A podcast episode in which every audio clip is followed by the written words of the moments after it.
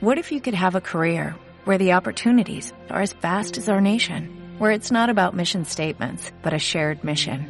At U.S. Customs and Border Protection, we go beyond to protect more than borders, from ship to shore, air to ground, cities to local communities. CBP agents and officers are keeping people safe. Join U.S. Customs and Border Protection and go beyond for something far greater than yourself. Learn more at cbp.gov/careers.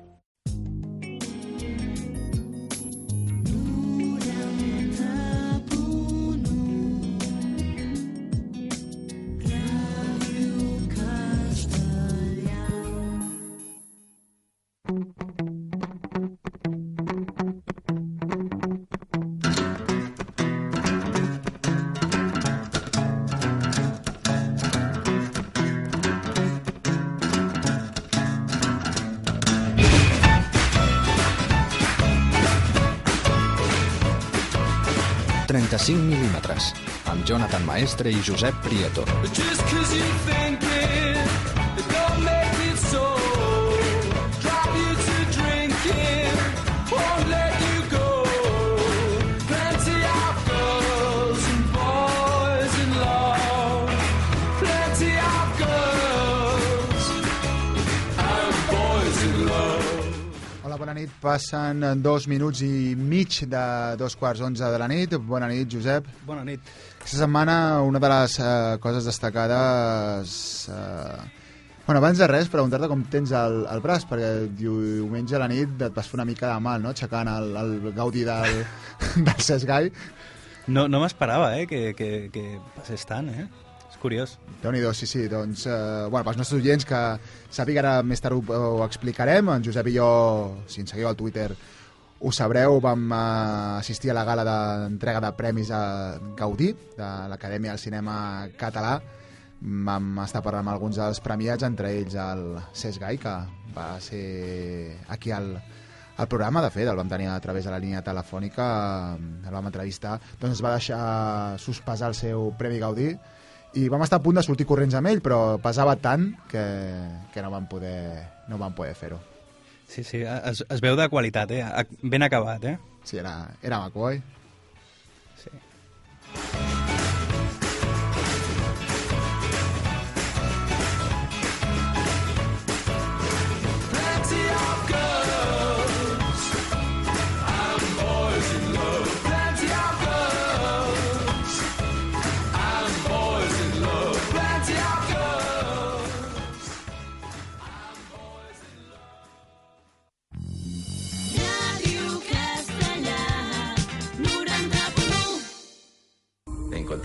Victoria y a Lily en condiciones deplorables.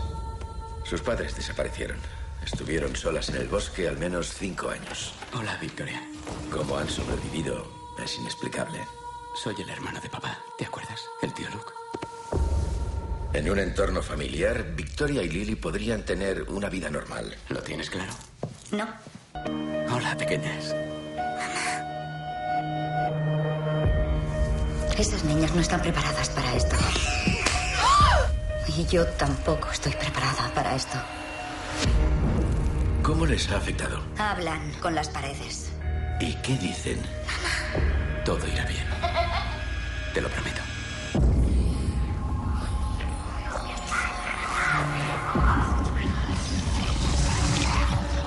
Creo que alguien viene a verlas.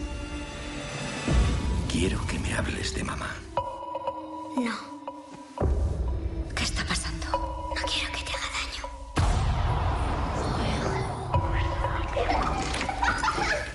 Que no sabéis qué hora es? No abras el armario. ¿Qué hay en el armario?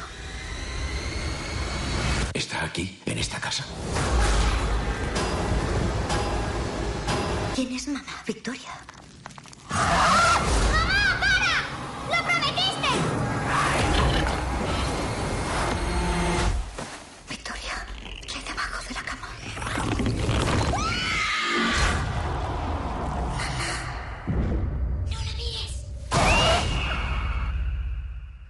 Després de triomfar la cartellera dels Estats Units, ho veníem eh, explicant en les últimes setmanes, Arriba a casa nostra a Mama. Aquesta pel·lícula està basada en el curt del mateix nom dels germans Andy i Bàrbara Muschietti, argentins aficats a Barcelona.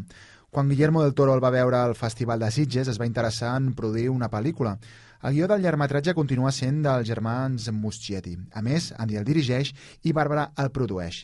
Es tracta d'una cinta de terror protagonitzada per l'omnipresent Jessica Chastain i per Nikolai Coster-Waldau. No volverá a suceder, lo juro por Dios. Estás hablando con Dios. Así que es como si lo juraras por mí. Aquí manda Mickey Cohen. No va a poder cambiar nada, sargento. Nos está arrebatando Los Ángeles, un maleante del este. Yo soy el futuro. Esto no es una oleada criminal, es una ocupación enemiga. Necesito que le declares la guerra a Mickey Cohen. Quiero montar una brigada. Le escucho. Una brigada pequeña. De cinco o seis hombres. ¿Os vais a enfrentar a 40? ¿De algo hay que morir? Dejad la placa en casa. Nadie sabrá jamás lo que hemos hecho. No vamos a resolver un caso. Vamos a la guerra. Gangster Squad, Brigada d'Élite, una pel·lícula de gàngsters i policies plegada d'estrelles. Josh Brol Brolin, eh, Ryan Gosling, Nick Nolte, Emma Stone, Sean Penn i Giovanni Ribisi, entre d'altres, protagonitzen una història que ens transporta als anys 40. Basada en el llibre de Paul Lieberman, tracta d'un escamot de policies que decideix prendre's la justícia pel seu compte i escombrar la màfia de la ciutat.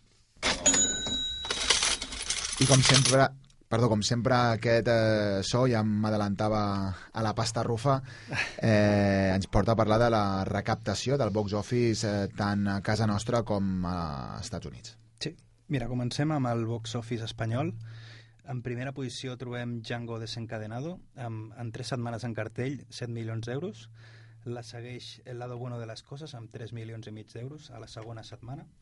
I en tercera posició, El vuelo, amb 2 milions d'euros a la seva segona setmana.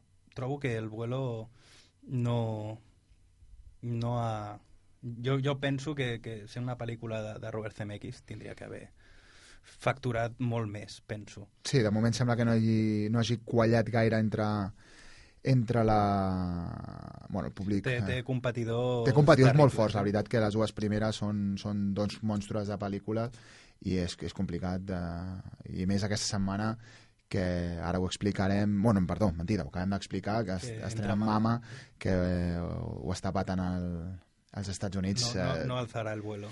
Bueno, ja veurem, si tinguem fe, eh, que ara, si l'aguanten a, a les sales, potser sí, però la veritat que la competència en aquest principi d'any on els eh, s'ajunten els Gaudí, dels quals ara en parlarem, s'ajunten els Oscars, els Goya, etc. Les estrenes més fortes venen ara i la competència és ferotge. Sí. Bueno, seguim al box office americà.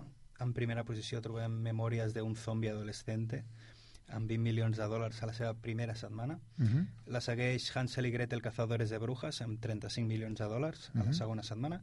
I acabem amb El lado bueno de les coses, a la dotzena setmana, amb 80 milions i mig de dòlars de recaudació. Sí, Déu-n'hi-do, Déu la veritat que la pel·lícula s'ho mereix. ¿Usted cree que el amor existe? El, el amor de verdad, digo, ¿eh? Yo sé que sí. Porque es lo que siento yo por mi Remy. Yo, papi, que ya no se da cuenta de, de cómo la quiero. Ah, ábreme. ¿Has vuelto a beber? Ai, amore, Oye, por cierto, ¿a ti te gusta la música italiana? Lleva 15 días trabajando, ¿no? ¿No será que es un truquito para tenerme despistado? Ángel, ¿qué haces aquí?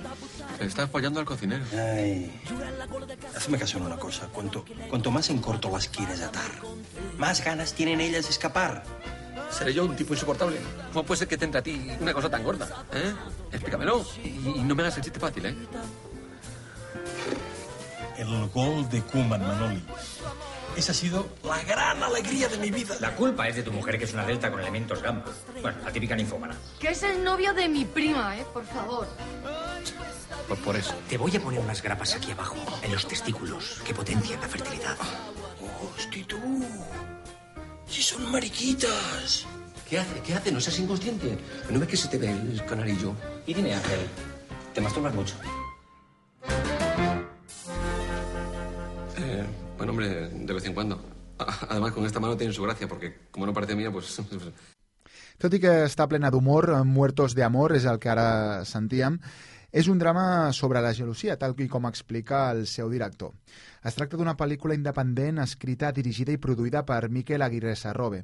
Basada en la novel·la de Carlos Cañeque, compta amb Javier Veiga, Marta Azas, Ramon Esquinas, Iván Massaguer, Cesc Casanovas i Ana Milán davant de les càmeres. És la història d'Àngel, un barman que després de perdre un braç en un accident perd la seva feina a l'Hotel Ritz. Llavors es passarà el dia pensant en que Reme, la seva dona, li és infidel amb qualsevol home del seu entorn. Querido amigo, no he hablado con nadie aparte de con mi familia durante todo el verano. Pero mañana es el primer día de clase y... Este año quiero que las cosas sean distintas. Dicen que si consigues hacer un amigo el primer día, vas bien. ¡Eh, saponovato! Venga, saltad, recogedlo, vamos. Si el profesor de lengua es el único amigo que hago hoy, me parece que me voy a deprimir. Bueno, Charlie, esto es divertirse. Bienvenido a la isla de los inadaptados. ¿Te gusta el fútbol? Me encanta. ¡Sed agresivos! ¡Pasivo, agresivos! ¿Qué está haciendo? No te preocupes, lo hace siempre. ¿Crees que si la gente supiera lo loca que estás, alguien te dirigiría la palabra? Venga, perdamos la cabeza juntos. Així són les ventajas de ser un marginado, un drama adolescent sobre un noi marginat eh, que s'ha d'enfrontar a la vida a l'institut. Per fer-ho més fàcil, escriu cartes a una persona sense determinar en les que parla sobre l'amistat, l'amor, el sexe, el suïcidi o les drogues. Està dirigida per Stephen Chosky i el guió està adaptat per ell mateix a partir d'un llibre seu. La protagonitzen Logan Lerman, Emma Watson i Ezra Miller.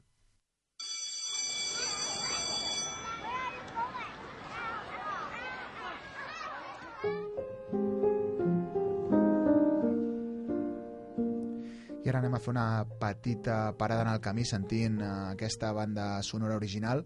Es tracta de la cançó Mad World de Jerry Jules, una versió de la cançó original de Tears for Fears que ell va arranjar per la pel·lícula Donnie Darko que precisament, Josep, és una de les pel·lícules Sí? de les quals ens parlaràs de la mirada parlarem. enrere del 2001.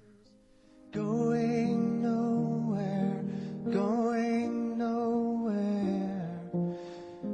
tears are filling up their glasses.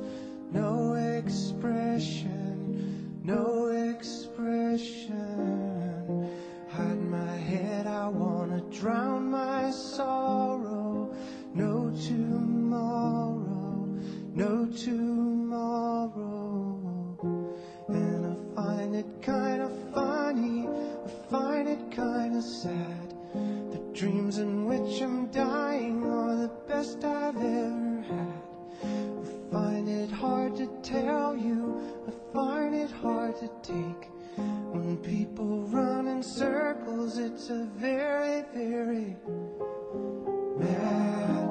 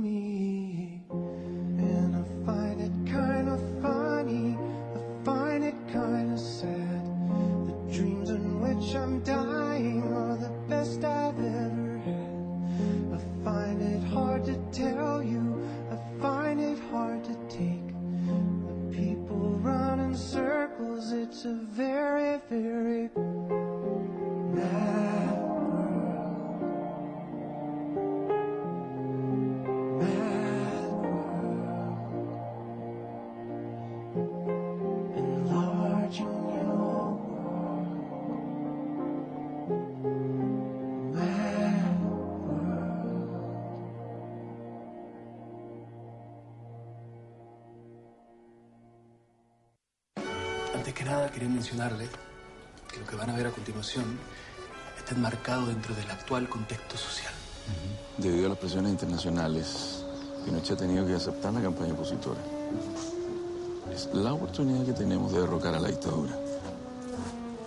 Pinochet arma un plebiscito para perderlo. Este plebiscito está perdido desde el momento en que la derecha fascista lo convocó. Entonces, ¿para qué esta campaña? Para crear conciencia. Hacer algo que sea placentero, pero que, que signifique eso. que Entonces sea- la alegría sola. Claro, ¿Qué sí, hay sí, más sí. alegre que la alegría? Nada. No és una pel·lícula xilena que transporta als anys 80 i a la dictadura de Pinochet. Parla d'un executiu de publicitat que torna al seu país després d'un exili a Mèxic i dissenya una campanya optimista a favor del no al plebiscit xilè de, 18 de 1988.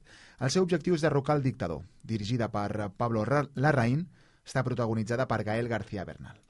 I a més a més, aquesta setmana s'estrenen els documentals Entre Maestros i Marina Abramovic, l'artista està presente. Podeu veure els trailers al nostre Twitter fa un parell d'horetes que, que els hem penjat.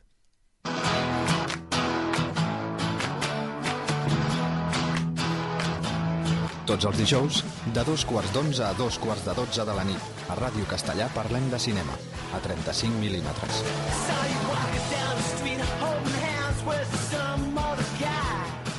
I abans de parlar dels eh, Premis de Gaudí, Josep, anem a fer una mica de repàs a les notícies, algú d'actualitat d'aquesta setmana.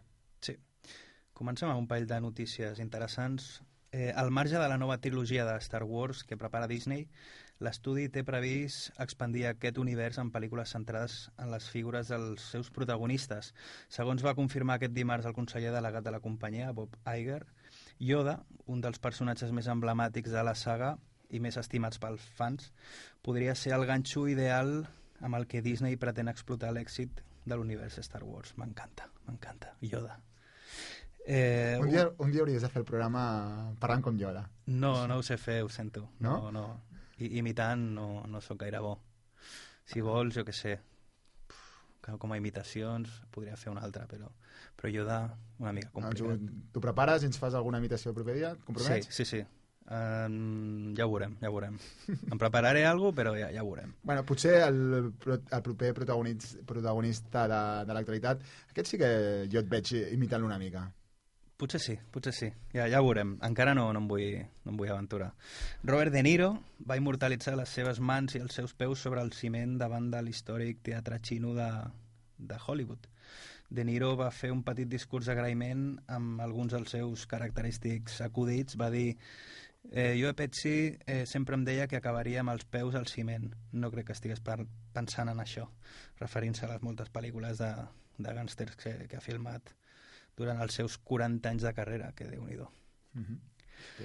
I si et sembla bé, comencem amb els Gaudí.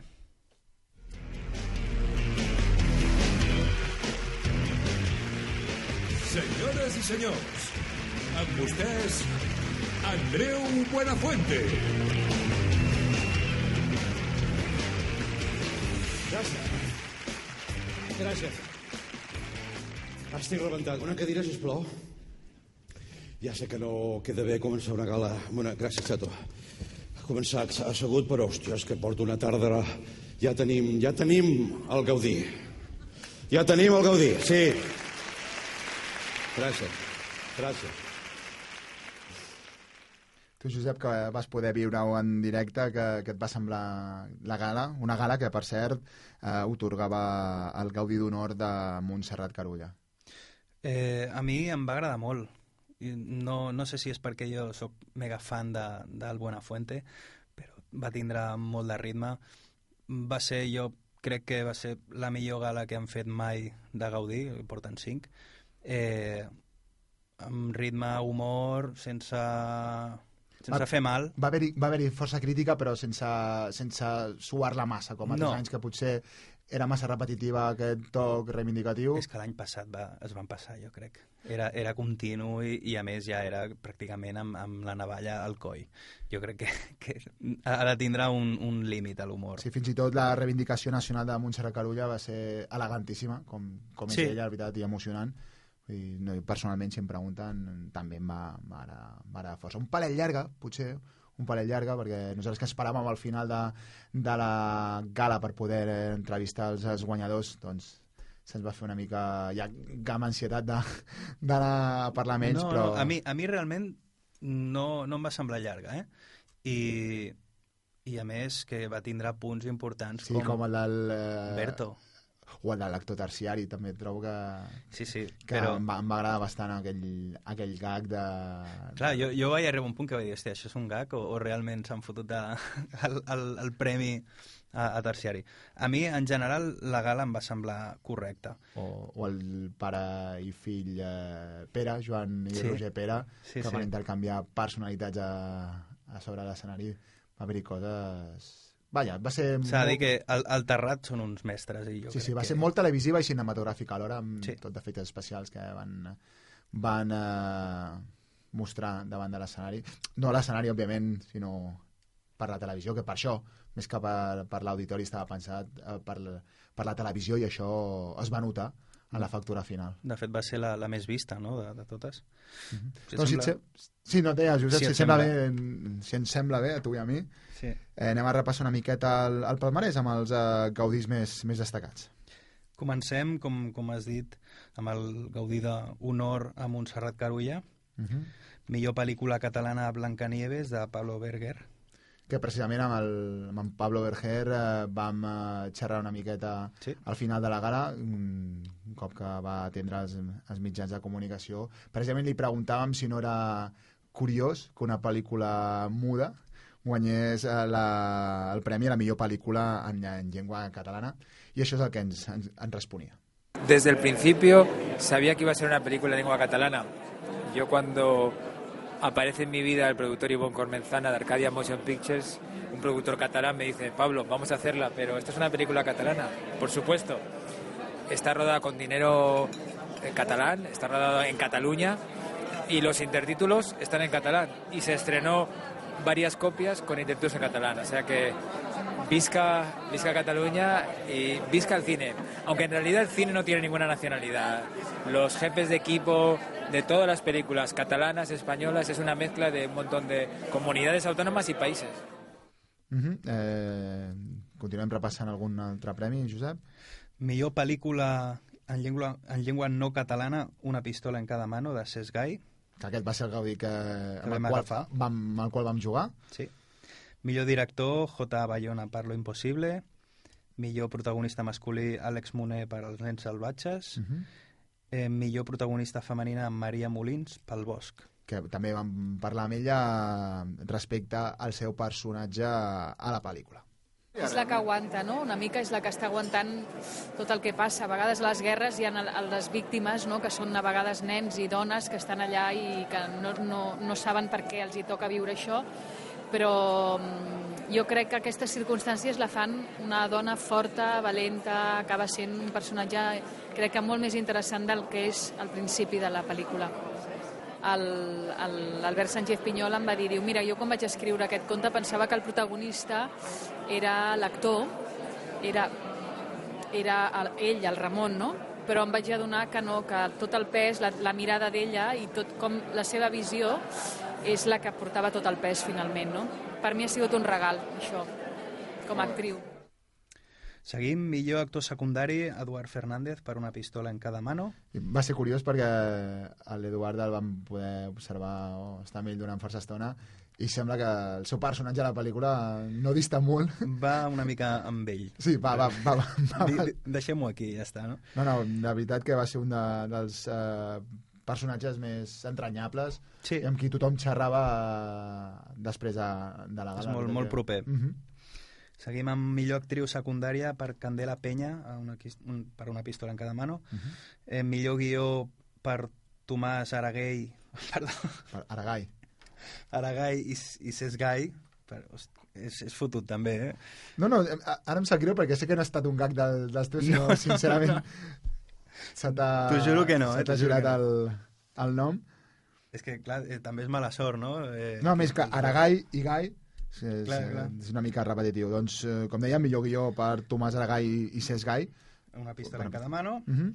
Millor pel·lícula europea Lo Impossible, de J. Bayona. Uh -huh. Millor fotografia per Òscar Faura, per Lo Impossible. i eh, precisament eh, l'Òscar Faura el tenim ja esperant a l'altra banda de, de la línia telefònica amb qui parlarem en uns uh, instants sobre la pel·lícula, sobre Lo Impossible, sobre el seu Premi Gaudí, sobre la seva trajectòria i sobre el seu futur.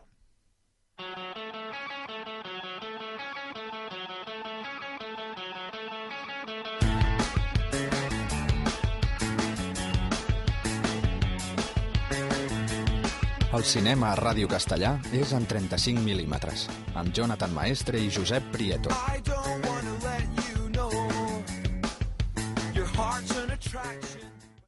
El guanyador de la millor fotografia dels Premis Gaudí d'enguany ha estat Òscar Faura pel seu treball a Lo Impossible. Per felicitar-lo i xerrar una estona sobre cinema, el tenim a l'altra banda del, del fil telefònic. Bona nit, Òscar, i felicitats pel premi. Hola, bona nit. Mm, Moltes gràcies. Eh, Lo Impossible és una gran producció. Quin, quins reptes es van plantejar a l'hora de crear la fotografia d'una pel·lícula d'aquesta envergadura? Home, de, de bon començament, quan, a, quan em va arribar el projecte, la veritat és que vaig tenir... Bueno, vaig quedar bastant impressionat, no?, llegir el guió, de, sobretot en una primera visita a la productora, que quan vaig entrar vaig veure tota un... Hi havia una oficina tota rodejada, tota embolicada, diguéssim, de, ja de, de dibuixos del que havia de ser la riada i com de primers dissenys de, de, de, com de storyboard Uh -huh. i doncs la veritat és que va impressionar bastant i, però mica en mica el que sí que vam tenir és la- l'oportunitat de preparar-ho amb, amb força temps i ens vam anar incorporant tots els departaments i entre tots la veritat és que no vam trobar un referent proper o un, una pel·lícula en la que basar-nos i ens ho vam haver de mig inventar Uh -huh. al fer una seqüència tan llarga en continuïtat amb actors, diguéssim, tocant aigua real i amb les càmeres tan a prop, i una mica va ser la, una col·laboració entre departaments que amb la que vam tirar endavant el projecte. Però de bones a primeres va ser força impressionant. Uh -huh. Hi ha alguna anècdota o alguna presa especialment difícil que recordis eh, durant el rodatge? Home, eh, tot el que va ser el rodatge de l'aigua, que va estar separat del rodatge de Tailàndia, diguéssim, la... Um, La onada, va el ser molt tsunami. tècnic i molt... I molt... Perdona? Dic que, que et refereixes a la- a l'escena de, de la onada, de quan arriba el tsunami. Sí, a, a la seqüència tant de la, de la onada i, del, i de la riera, del, del, diguéssim, la gran inundació que els arrossega, Uh -huh. va ser un rodatge de gairebé entre una cosa i una altra, unes nou setmanes a, a, a Ciutat de la Luz, a Alacant, Uh -huh. en un tanc d'aigua, vam rodar amb maquetes, vam rodar amb, amb els actors en una primera, en una primera part, i, i cada plano, cada, cada un dels planos era molt, molt complicat, i va haver dies doncs, en què fèiem 4 o 5 planos, no, no en fèiem més, Uh -huh. perquè tot, tot era molt lent, tot era molt feixuc, tot necessitava una preparació molt, molt exhaustiva i, i anàvem molt lents i, i complicats eren tots. Potser un dels que, dels que va ser més complexa és un plano sota l'aigua en què eh, el personatge Maria, la Naomi Watts, Uh -huh. amb la càmera submergida, arribava fins al, al que semblava ser el terra, però la càmera gira descobreixes que el que és és una paret i quan la càmera en moviment sota l'aigua es posa al seu darrere, s'esquerda aquesta paret i ella travessa de la foscor a la llum. Uh -huh. Llavors, doncs per això vam haver de portar un equipament especial, eh, era una presa gairebé era presa única perquè trencar el decorat significava haver de buidar el tanc d'aigua, tornar a començar, Uh -huh. eh, bueno, és un dels planos potser més... I a part vam, vam haver de fer la primera part, era amb l'actriu submergida, Uh -huh.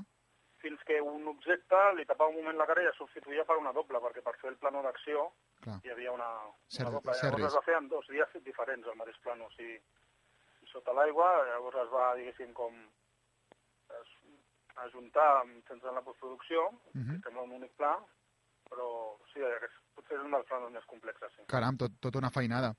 Òscar, encara ets jove, però te- tens una carrera ja força dilatada. Eh, ha estat aquesta la pel·lícula més, més complicada que has realitzat fins ara? Sí, home, jo penso que objectivament sí que ho és per la, per la complexitat. El que passa és que tam- jo soc de l'opinió que tampoc hi ha mai eh, projecte o enemic petit, eh, perquè quan, o sigui, per exemple, per fer l'impossible, una pel·li complicada, però teníem mitjans i de cop i volta també et pots trobar amb projectes molt més petits Uh -huh. en què el repte és poder fer una cosa, una pel·lícula, diguéssim, mm, interessant amb, amb, amb, molt, amb, amb menys mitjans, no? Clar. Llavors has de treure l'enginy i saber-lo utilitzar i optimitzar els recursos, no? Clar. Llavors, sí que ho ha estat perquè era una dimensió descomunal, però normalment sempre quan t'involucres amb el projecte és el més important que tens, diguéssim, sempre és el projecte més important, no?, que tens a... Entre mans en aquell moment, no? Uh -huh. Pre- Precisament, eh, Òscar Faura actualment és un dels di- directors de fotografia més reputats a casa nostra i ja comences també a ser-ho a l'estranger. Com ho portes, això? Mm, bueno, mm, eh, O tu no t'hi consideres? no, jo, jo, diguéssim, jo vist amb naturalitat, jo vaig fent, intento que cada cosa que faig estigui feta amb, amb il·lusió, amb, amb, amb passió, no, diguéssim, amb, que li posem sempre, li poso moltes ganes, Uh -huh. i, i després, bueno, la consideració és, doncs és, ben, és benvinguda, no? I, i et jutgen els, els altres per la teva feina. Uh -huh. Jo, bueno, doncs estic content, no?, de que les coses funcionin, de que el que faig agradi i tal, però, vaja, no, més enllà d'això no, no sé què dir. Ara mateix tens un, un parell de pel·lis entre, entre mans. Parla'ns una mica d'elles. Um, et refereixes a... Uh, Mindscape, si no tinc mal entès. Sí. I ara estàs preparant també una altra pel·lícula, pot ser? Doncs ara, bueno, a Mindscape està, està en fase de, de, de muntatge, Uh -huh. estan muntant a Los Angeles eh, i des de que vam acabar el rodatge, bueno, segueix un contacte amb el director, però no, no puc fer el seguiment, no?, per la distància. Clar. El que sé va tot força bé i estic esperant a ja incorporar-me en la segona fase de la que és la meva feina, que és la talonatge o la- l'acabat de color al laboratori. Uh -huh. I, i bueno, tinc moltes... Dic, penso que serà un projecte molt interessant per, precisament pel tractament, no?, estètic, a la postproducció que, hem, que preveiem donar-li, Uh -huh. per una diferenciació que volem fer de, del look, per diferents etapes de la, de la història i tal, i estic molt il·lusionat. I a banda d'això, doncs, eh, de moment, ara no, no tinc cap projecte llarg en vistes, estic com, bueno, fent, fent altres coses. Ah. Um, Òscar, passem ara a una part eh, de l'entrevista una mica més personal, amb algunes preguntes que li fem, que li fem a tots els entrevistats. Quina és la pel·lícula favorita d'Òscar Faura? Ostres, espera't, eh? M'has agafat així. Doncs disfruto molt, per exemple, veient Seven, Uh -huh. Però n'hi ha, ha moltes altres, no? O, o El Gran Dictador, o... Diguéssim que, que tinc un ventall de, de pel·lícules així ampli de, amb les que disfruto moltíssim. No, no, no sabria dir una preferida. Uh -huh. I si, pugui, si poguessis escollir, quin hauria estat el film de la història del cinema que t'hagués agradat ser director de fotografia? Doncs, aviam... Grandes Esperances, per exemple. Uh -huh. Uh, quina versió? La, la de la Gwyneth Paltrow o la, de, la dels 90? Sí, sí, bueno, potser perquè és, ahir el resultat no, de, que, que és rodada per un director de fotografia que admiro molt, Uh -huh. doncs potser per això amb, amb, diguéssim, ja, ja m'hagués agradat fer un projecte com aquest, no? Ara ara en breu, de fet, estrenen un, un remake he tingut l'ocasió de veure la pel·lícula, la fotografia és, prou diferent a la, a la que tu comentaves ara, ara mateix. No sé si has tingut ocasió de veure alguna cosa. No, no, no encara. Um, I per acabar, quina pel·lícula que encara no s'ha fet s'humiliaries en fer? Si- Em refereixo, si no tinguessis cap tipus de restricció de pressupost, d'equip, dona-li regnes a la teva imaginació, qui- quin tipus de pel·lícula t'encantaria fer? Doncs m'agradaria fer una pel·lícula policia amb, amb acció Uh -huh. i que passés, no sé, a, en un lloc en que aquest tipus d'acció no hagi succeït abans, no sé, en algun espai més, no, no, no, no l'habitual, Perquè, mm, però no, perquè deia que pel·li policíaca sí que n'has fet alguna, que és el, el Cuerpo, que es va estrenar fa unes setmanes. Sí, sí, sí. Bueno, aquesta, mira, per exemple, també succeeix en un, en un dipòsit de cadàvers, però mm, no sé, ara mateix, què et diria? Pues, sí, m'agrada molt les pel·lis, per exemple, les pel·lícules en les que hi ha una maleta plena de diners i tothom tothom lluita per aconseguir-la. Tipus Fargo o aquest tipus de, de, de, de recerca de- d'allò més somiat, no? Mhm. O codici, codiciat. Perfecte. Doncs Òscar Faura, director de fotografia de Lo Impossible, moltes gràcies per compartir una estoneta amb nosaltres i fins aviat.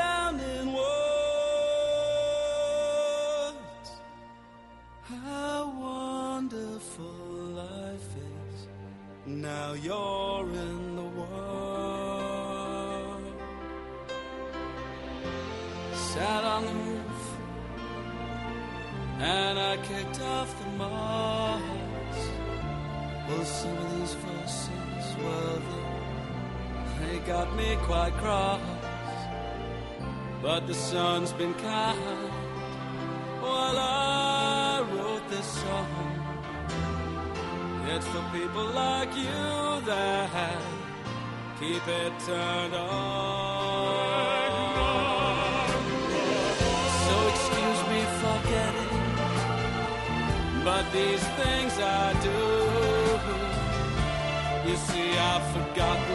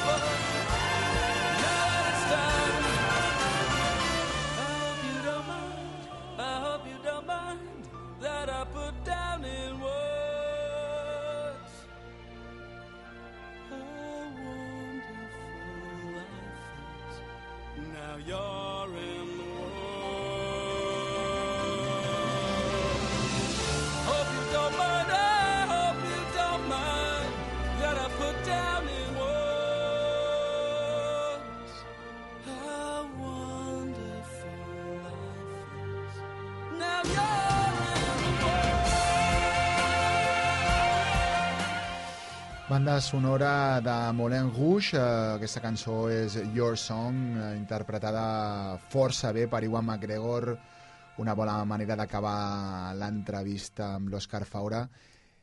I no sé si a tu t'agrada o no t'agrada molt eh, Moulin Rouge, no sé si és una de les pel·lis eh, que t'agrada, Josep, però bueno, també és una de les del 2001, de l'any que parlarem ara tot seguit a la mirada enrere i per això l'havíem triat. A mi és d'aquestes pel·lícules que em fa mandra. No. El musical no és, no és el meu gènere.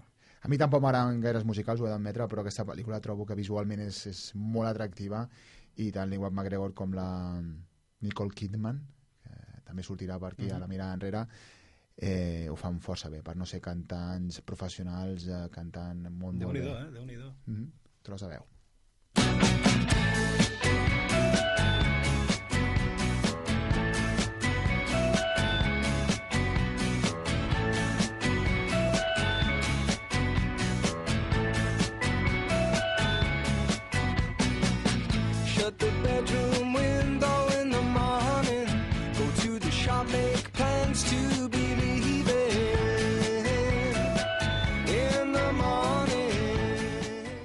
Passen gairebé 11 minuts de les 11 de la nit. Eh, aquesta setmana, Josep, ens volies parlar de tres pel·lícules del eh, 2001, de Donnie Darko, eh, El Señor de los Anillos, La Comunidad del Anillo, la primera de la trilogia, Mhm. i eh, de Los Otros, de Alejandro Amenábar.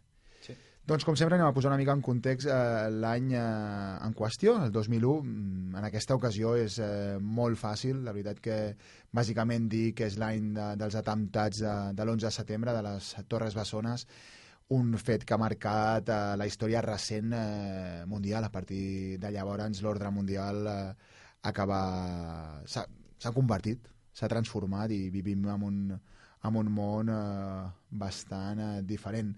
I això em recorda molt, és que no, tampoc no volia extendre'm molt perquè tu saps que ara estic enganxat a, a Homeland, Homeland. La, la sèrie de, de Showtime i, vaja, demostra totalment com, com ha canviat la nostra concepció a nivell planetari, a nivell, eh, si més no, de l'hemisferi occidental, com diuen els, els americans, de com està el món avui mateix. I déu nhi les pel·lícules que hi havia el, el 2001, a part de les, de les que tu comentaràs, eh, tenim títols com, com Harry Potter i la Pedra Filosofal, la primera de, en aquest cas no trilogia, de les 7 o 8 pel·lícules sí. basades en els llibres de J.K. Rowling. Eh, hi havia pel·lícules com Una mente maravillosa de Ron Howard i protagonitzada per eh, Russell Crowe, Monstruos S.A., per mi una de les pel·lícules més per mi millors de, de l'animació de, de els últims anys eh, Ocean's Eleven que si les dues... Eh, La primera... La primera d'elles, si potser les, les dues següents no són tan brillants, eh, la, la primera d'elles, de Steven eh, Soderbergh, eh, sorprèn. La veritat que, Que, per, que per cert vam parlar la setmana passada. eh, sí, sí. Eh, Amélie, de Jean-Pierre Jeunet, també és el eh, 2001. De- Derribado, eh, la primera de, de Fast and the Furious a todo gas, que d'aquí a en breu ja s'anirà per la sisena entrega. T'agradarà o no t'agradarà, però s'està convertint en una... Aquestes pel·lícules? és que no, no, no ho tinc massa clar. Eh, saps què? Quan entres amb, amb aquest punt d'humor... No, no, no, jo, jo pregunto, no, no tinc ni idea. Aquesta i, i Rec, no, no sé de què van. No? Cap de les dues. doncs Pearl Harbor, eh, la música de la qual també la sentirem al final del programa, també és el 2001, Mulholland Drive, eh, Aníbal, Moulin Rouge, que ara en parlàvem, El planeta de los simios, Vanilla Sky, Vanilla per Sky. cert, també remake de la pel·lícula Abre los ojos d'Alejandro Amenábar, Mhm. Eh, que, bueno, si als Estats Units eh, Tom Cruise, que comprava els drets, destrossava, al meu entendre, la No, pel·lícula no tant, original, no tant. ell, ell feia una petita obra mestra com és eh, Los Otros. Eh, Intel·ligència Artificial també es va fer el 2001, Zolander, Eh, Mítica. Mítica, que jo sé que aquí si, t'agrada i no dissimulis, això no és ironia, t'encanta. De fet, dirigida per ella, eh? Que Sí, sí, sí. El Ben Stiller... Eh, I de fet diuen que fan la segona part, aviat. Mm, algú, algú rumorejava, a veure Mm. si, si és veritat o, o no és veritat. Eh, bueno, i moltes més altres eh, pel·lícules. La veritat que el 2001 va ser bastant eh, prolífic en, en quant a pel·lícules. Per exemple, Jo soy Sam, amb Sean Penn, que fa un paper doncs, molt, molt destacat. Digne de- d'Oscar, no? Mhm. Doncs, Josep, no sé si vols eh, que comencem ja una mica... Sí, amb ab abans de res, abans de res hem de fer la, la típica pregunta que s'ha de fer de, del 2001. No, no ho he dit perquè no. No és any de traspàs. No, no, no, no, no, no, no vull dir. Ah. No, bueno, de, de traspàs, No l'era, no l'era. Era, de va, ser, traspàs, va ser un any... els avi... Bueno, és igual, és igual, no. Oh, no, que, no. que és cínic, que No, no, no. negre. Tira el tall, Salva, sisplau. Donnie Darko. ¿Qué clase de nombre es ese? ¿Suena superhéroe o algo por el estilo? ¿Qué te hace pensar que no lo soy?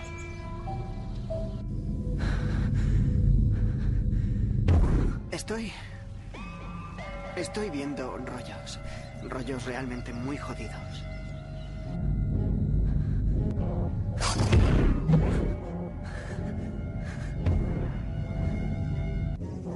Tengo un nuevo amigo. ¿Real o imaginario?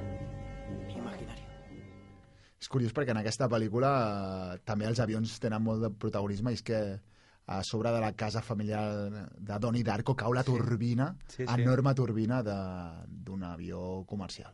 Em recorda molt a, a una escena també de, de Breaking Bad, que passa exactament el mateix, un avió que... Però és igual, no, no vull fer spoiler. Si et sembla bé, comencem amb, amb alguna curiositat de la peli. Comencem.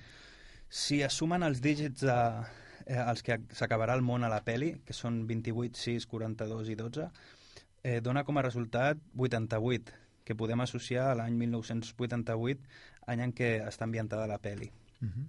Al principi de la peli, la mare de Donnie està llegint It, de Stephen King, la del pallasso. La peli va ser filmada en, 8, en 28 dies, igual que els dies que passen a la peli. Caram, tot un repte, eh? Un, un rodatge força... déu nhi en un mes. El vestit que vesteix Donnie Darko a la festa de la nit de bruixes és el mateix que, que va fer servir que es va fer servir per la peli Karate Kid. Mhm. Eh, Richard Kelly, el director, va cobrar només 9.000 dòlars per dirigir la pel·lícula. Que, que això és, és ridícul, eh? Sí, sembla, em recorda el David Beckham, que vol jugar pràcticament gratis al Paris Saint-Germain. Sí, sí. Doncs el Richard Kelly va, va, fer un, va fer un Beckham, va ser un, Sí. un adelantat a la seva, a la seva època. No, no, va fer- bueno, és igual, no m'ho ficar en política, és igual. Eh, Donnie Darko i Elizabeth Darko, o millor dit, eh, Jake Gyllenhaal i Maggie Gyllenhaal, són germans a la vida real i a la peli. Mhm. Eh, I per últim, a la peli Donnie i Gretchen van al cine i la pel·li que veuen és Possessió Infernal de Sam Raimi i de fet no els hi va cobrar drets d'autor. Mhm. T'he de dir que Donnie Darko és una de les meves eh, pel·lícules eh, favorites. Fa poc la, la vaig tornar a veure i, i és d'aquelles que envelle, envelle, envelleixen molt bé. La veritat Sí, que... sí, sí. A veure, tampoc, tampoc estem parlant d'una pel·lícula dels anys 20, però, però sí, no, sí. però també- déu eh? ja 12 o 13 anys es nota, es nota fins i tot a la, a la textura de la pel·lícula. La, la pròpia fotografia és, és bastant eh, diferent a lo que... Eh, És molt tètrica, no?, la foto. molt, molt Crec- fosqueta, molt, molt freda. Sí, sí. I, de fet, eh, al principi de la pel·lícula, el um, Donnie eh, passeja amb la seva bicicleta i jo no sé si ho, és una referència feta a propòsit o no, però em recorda molt a, a Animals, la pel·lícula catalana d'aquest eh, últim any, eh, que el protagonista també es passeja molt insistentment amb la, amb la bicicleta i també té bueno, aquestes el que paranoies. 80, no? Les pel·lícules dels 80, ET, no? També sempre amb la bici. Los bicivoladores. Los Goonies, no? Eh, sembla bé que comencem amb Los Otros. Perfecte. Conozco una casa. Está en medio de un páramo. Allí nadie molestará a nuestros hijos. Lo único que se mueve aquí es la luz. Pero eso lo cambia todo. No es precisamente un hogar ideal. Los niños padecen una grave alergia a la luz. En esta casa, ninguna puerta debe abrirse sin cerrar primero la anterior. De fet, aquesta pel·lícula, Los Otros, eh, té una cosa curiosa, que t'explicaré jo a tu, Mhm. i és que és, eh, ens pot recordar molt al Sexto Sentido, del M. Night Shyamalan, sí? que de fet és anterior a, a aquesta, però és, pel que es veu, el guió l'Alejandro Amenábar el tenia escrit de, de força abans i, i, i vaja, no, no. No. no, no se li pot acusar de, de No, no, plagi. no va ser ni, ni, ni inspiració. No, no, no, en absolut. Vull dir, suposo que per qüestions de, de producció no, no la va poder engegar abans, però el guió és, és molt anterior a que, a que la pel·lícula de, protagonitzada pel, pel Bruce Willis eh, s'estrenés a, a nivell mundial. Uh -huh. Vols que comenci amb les Sisplau, curiositats? explica'ns alguna cosa sobre los otros. Va tindre un pressupost de 20 milions d'euros, que, que això és molt per una pel·lícula espanyola. Eh, per aquesta pel·lícula va ser el primer cop que Amenábar va estudiar alguna cosa sobre direcció d'actors, ja que fins llavors ho feia de manera autodidacta i intuïtiva. Mhm, De fet, ell és, eh, a part de músic, que ell composa la música de les seves pel·lícules, és llicenciat en, en comunicació de visual. per, Mhm. per això l'escenari de, de tesis, la, la seva primera pel·lícula. Sí, és veritat. Per algunes escenes, primer es va rodar amb fum que simulava boira i després es van afegir els actors digitalment per donar l'efecte boira. Mhm. Amenábar no sap llegir ni escriure en un pentagrama, però va composar una genial banda sonora. El que feia era tararejar-li les melodies al productor musical i ell escrivia i interpretava. O sigui, tu, tu imagina't el tio la la la la la la, la i l'altre molt bé. Tu vols dir sol, la, mi, no? Mhm. Una mica així. La idea del llibre dels morts la va agafar d'un documental que va veure anys enrere per la tele. O sigui, aquí eh, el que deies, no? que, que, que es va inspirar en un altre, en un altre tema. Eh, per trobar la casa, l'equip va visitar més de 100 mansions angleses i finalment es va quedar amb una a Santander per rodar els exteriors. O sigui, els interiors ja són platós. Seguim eh, amb la última. Buscava plasmar tots els seus temors infantils al film. De fet, se sent molt identificat amb el fill petit, anomenat Nicolás. Un anillo para gobernarlos a todos. Un anillo para encontrarlos. Un anillo para atraerlos a todos y atarlos en las tinieblas.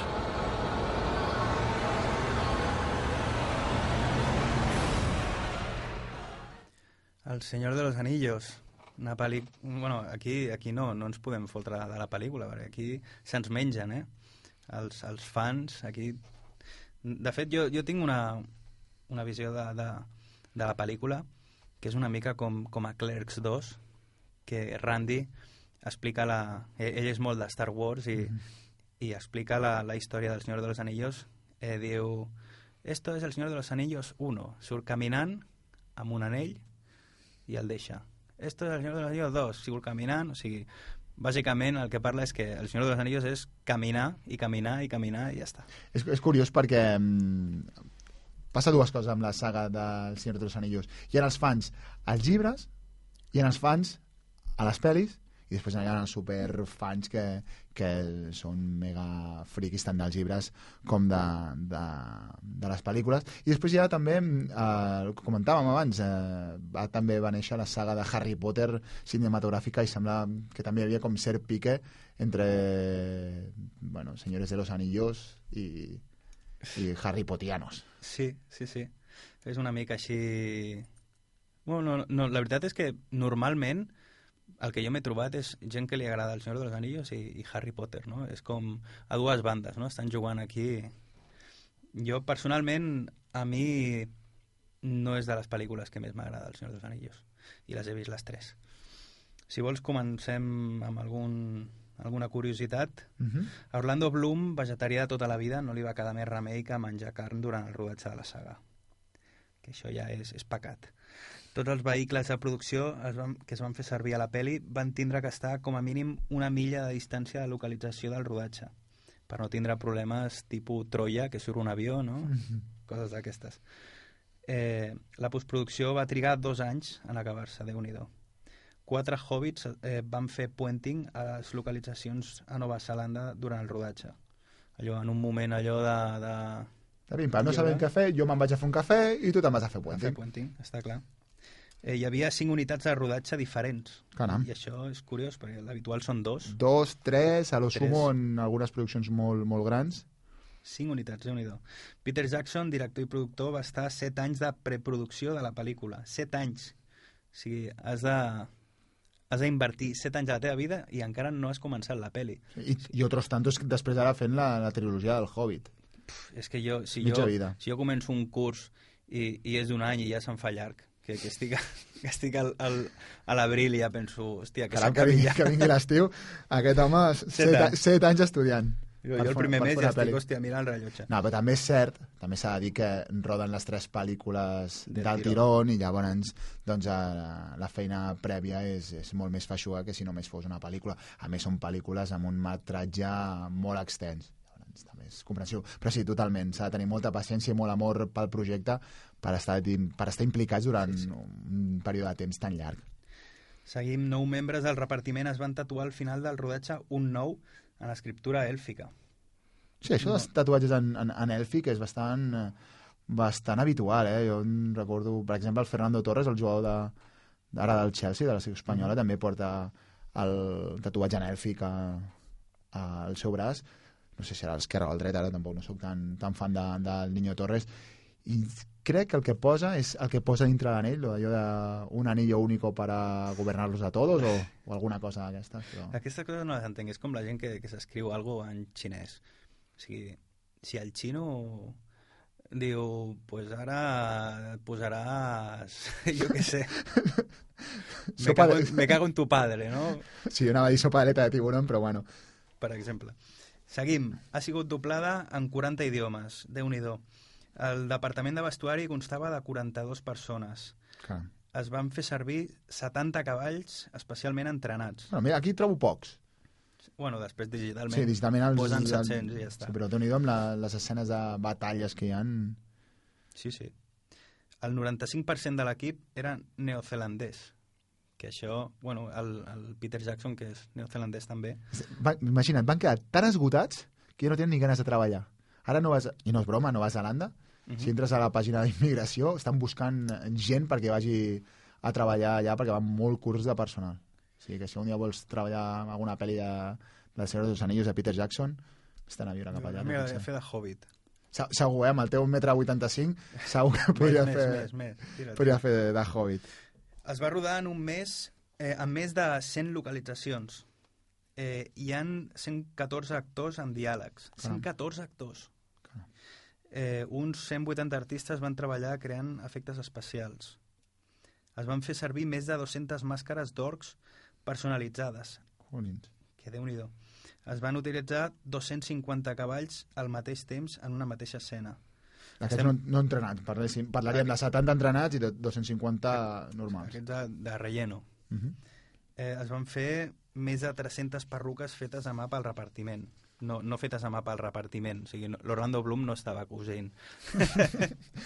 Molt dolent l'acudit, molt dolent.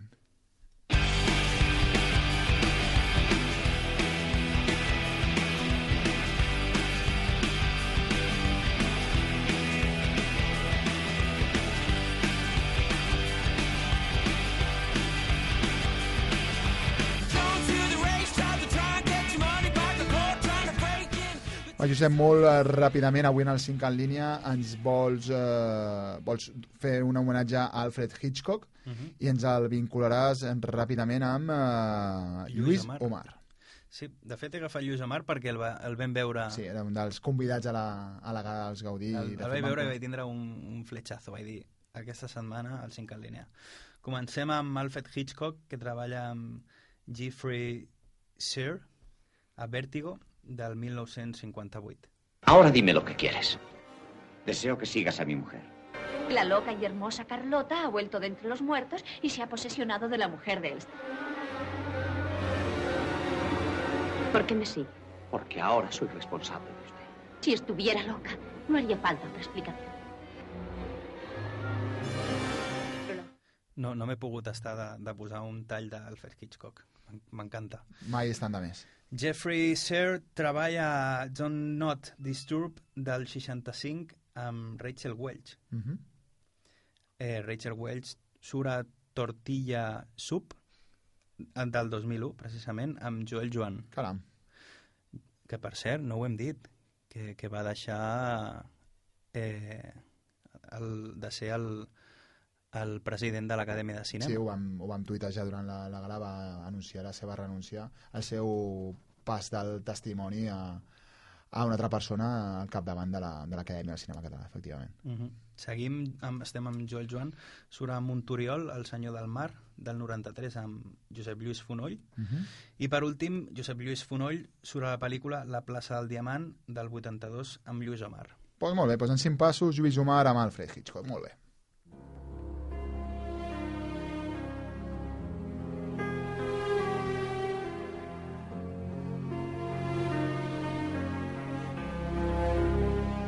I amb la música de Pearl Harbor, una melodia, una banda sonora original eh, composada pel Hans Zimmer, un eh, compositor que guanya fins i tot eh, Oscars per les seves bandes sonores. Recordem, eh, va ser el compositor i va guanyar l'Oscar per El rei León o altres eh, pel·lícules memorables com Gladiator.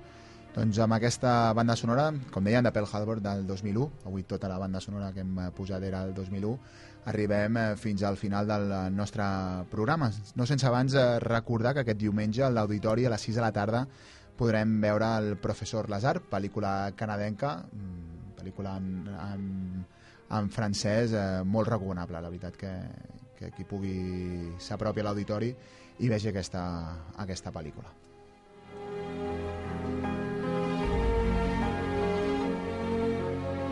I ara sí, Josep, bona nit, ens veiem eh, la setmana que ve. Bona nit. I moltes gràcies al Salva Soler que ha fet tot això possible des de les vies tècniques.